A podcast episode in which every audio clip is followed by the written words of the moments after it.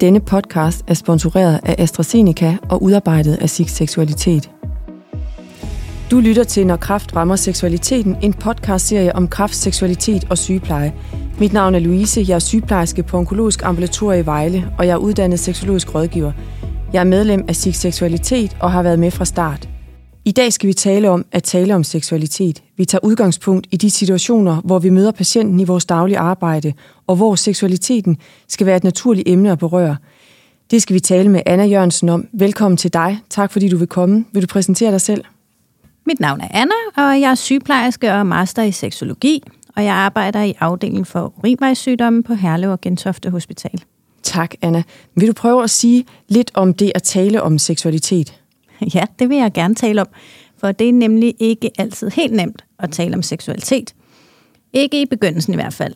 Generelt så er det med ord og definitioner en af seksologiens akilleshæle. Ja, og det er noget af det, som sygeplejersker ofte betegner som en barriere i forhold til at skulle prioritere patientens seksualitet. Altså, at det simpelthen kan være svært at finde de rigtige ord og vendinger, når vi skal tale med patienterne om emnet. Hvordan kan det være? For det første, så tror jeg, at det har noget med vane at gøre. Altså, vi har måske ikke været vant til at tale med patienterne om seksualitet.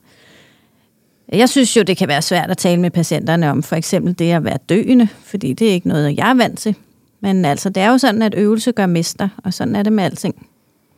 Og nu bliver det forhåbentlig mere og mere prioriteret og anerkendt, at vi skal tale med patienterne om deres seksualitet, og på den måde bliver vi alle sammen bedre til det. Lige præcis. Der er selvfølgelig også nogle ting, man som sygeplejerske selv kan gøre for at blive bedre til at tale om seksualitet. Altså andet øh, end bare at gøre det og få noget øvelse? Ja, altså for det første, så kan man simpelthen sige ordene højt til sig selv. Det lyder måske lidt fjollet, øh, men så kommer det til at føles lidt mere naturligt, når man har sagt dem højt nogle gange.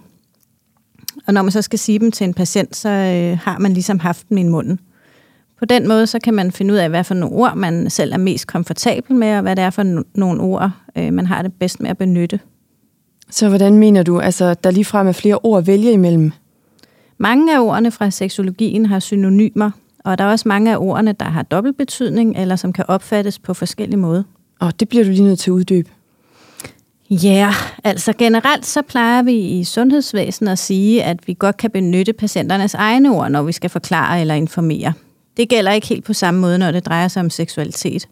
For der vil patienterne ofte have nogle ord og beskrivelser, der ligger langt fra det professionelle sprog. Det nytter jo ikke rigtig noget, hvis jeg for eksempel siger rumsterstang eller tryllestav eller diller om mands penis, bare fordi han selv kalder den det. Der siger jeg altså penis, fordi det er både forståeligt og professionelt. Okay, og i vores øh, SIG-gruppe har vi også en ongoing diskussion i forhold til, hvilke ord og betegnelser vi skal benytte. Vulva er eksempelvis et ord, som ikke mange patienter kender betydningen af, og kan vi så benytte det i samtalen med patienterne? Altså på den anden side, så er det jo den korrekte betegnelse, og så er det vores opgave at gøre ordet kendt og forståeligt.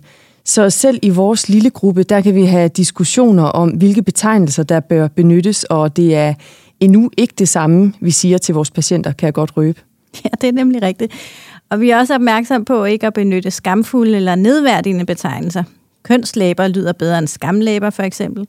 Og mange synes, at rejsningsproblemer eller erektil dysfunktion er mindre stigmatiserende end impotens. Det hedder også hellere vagina end skede.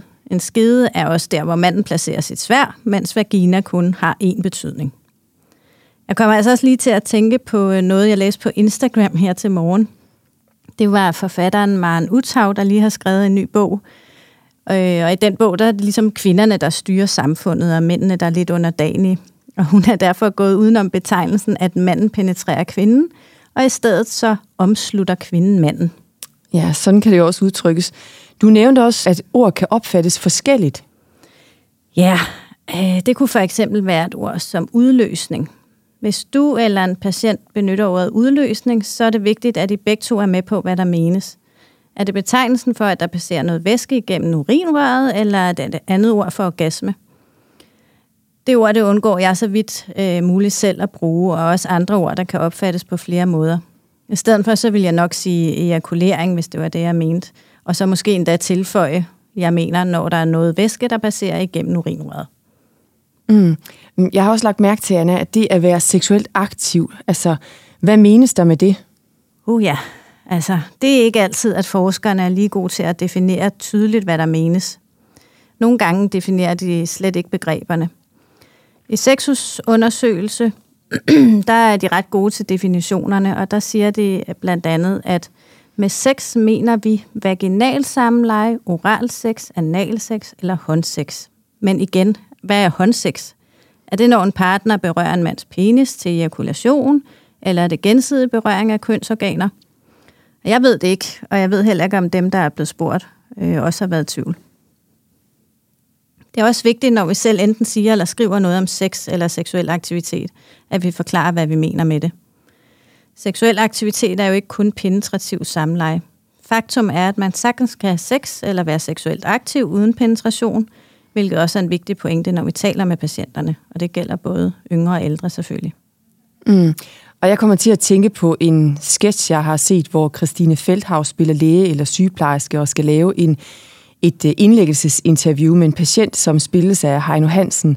Han er komiker, og Christine Feldhaus hun spørger, om han er seksuelt aktiv. Så siger Heino, jo, hvad mener du lige med seksuelt aktiv? Jeg ligger sådan set bare mest på ryggen. Det er vel ikke specielt aktiv? Nej, der kan du bare se. Han har jo helt ret ham Heino der. Så med så meget andet skal vi altså øve os og vælge nogle gode ord, vi er komfortable med, og hvor det er tydeligt, hvad vi mener. Ja, lige præcis. Og nogle ord, som er svære at misforstå. Og så skal vi også acceptere, at det kan være lidt svært, og nogle gange kommer man til at formulere sig på en anden måde, end hensigten var. Det gælder jo både patienten og os som sundhedspersonale, og det er fint nok. Så må man bare forklare, hvad man mener, hvis man kan fornemme, at man er blevet misforstået. Okay, så må vi som sygeplejersker hjælpe patienten lidt, hvis de har svært ved at formulere sig? Ja, det må man gerne. Øhm, altså lige i det her tilfælde, der kan det være okay lidt at tage ord ud af munden på folk og hjælpe dem på vej. Patienterne kender måske mest ord og betegnelser, som de faktisk ikke ønsker at bruge i samtalen med sundhedspersonale. Og det kan være svært at finde de mere professionelle ord. Så må man gerne hjælpe dem lidt ved at foreslå et ord, der kan bruges. Det kan også sagtens ske, at jeg har en samtale med en patient, som benytter en betegnelse, og jeg bruger en anden betegnelse for det samme. Og det gør vi så hele samtalen igennem. Øhm, og egentlig så handler det igen om, hvad man er komfortabel med, og at man bliver forstået. Mm, okay. Nu har vi talt en del om, hvad vi siger i løbet af en samtale om seksualitet. Og hvordan starter vi egentlig samtalen? Hvordan går det med dit sexliv? Det er vel ikke det første, vi siger til, til patienterne. Nej, altså, hvorfor egentlig ikke? Hvis man måske formulerer sig lidt på en anden måde. Men hvis man taler med en patient, hvor man ved, at ændring i seksualiteten er en hyppig bivirkning til sygdom og behandling, så tænker jeg egentlig, det er meget naturligt at begynde med at spørge til seksualiteten. Om det er noget, patienten har behov, at tale, eller behov for at tale om. Øh, det kommer altid an på situationen, og nogle gange så er det bedst at begynde med nogle mindre følsomme emner og vurdere, hvordan det bliver modtaget, og så kan man bevæge sig lidt hen mod de mere personlige og følsomme emner.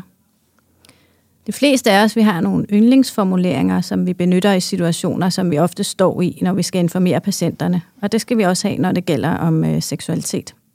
Mm, så ligesom med ordene, så kan vi have nogle gode sætninger. Hvordan vil du så formulere dig? Jamen lige præcis.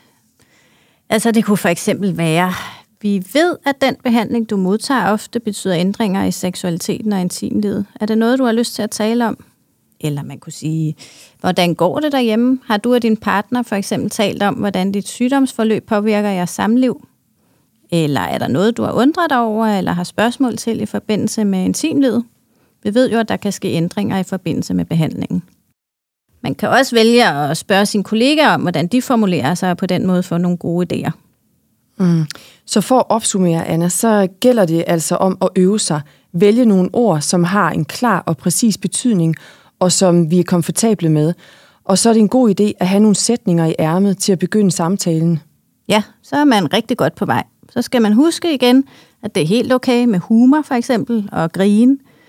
Øh, og det vil være ekstremt sjældent, at en patient bliver fornærmet over spørgsmål, der handler om deres seksualitet. Tværtimod, så vil man hyppigt opleve, at de bliver meget taknemmelige, fordi man tager emnet op. Jamen, så er den givet videre. Ud og øv jer i seksologisproget og få nogle gode oplevelser. Ja, lige præcis. Jeg vil gerne lige tilføje, og jeg ved godt, at jeg har talt meget om at bruge de rigtige betegnelser for at undgå misforståelser. Men det vigtigste er, at vi taler med patienterne om deres seksualitet, og så er de ord, vi vælger at benytte, knap så vigtige.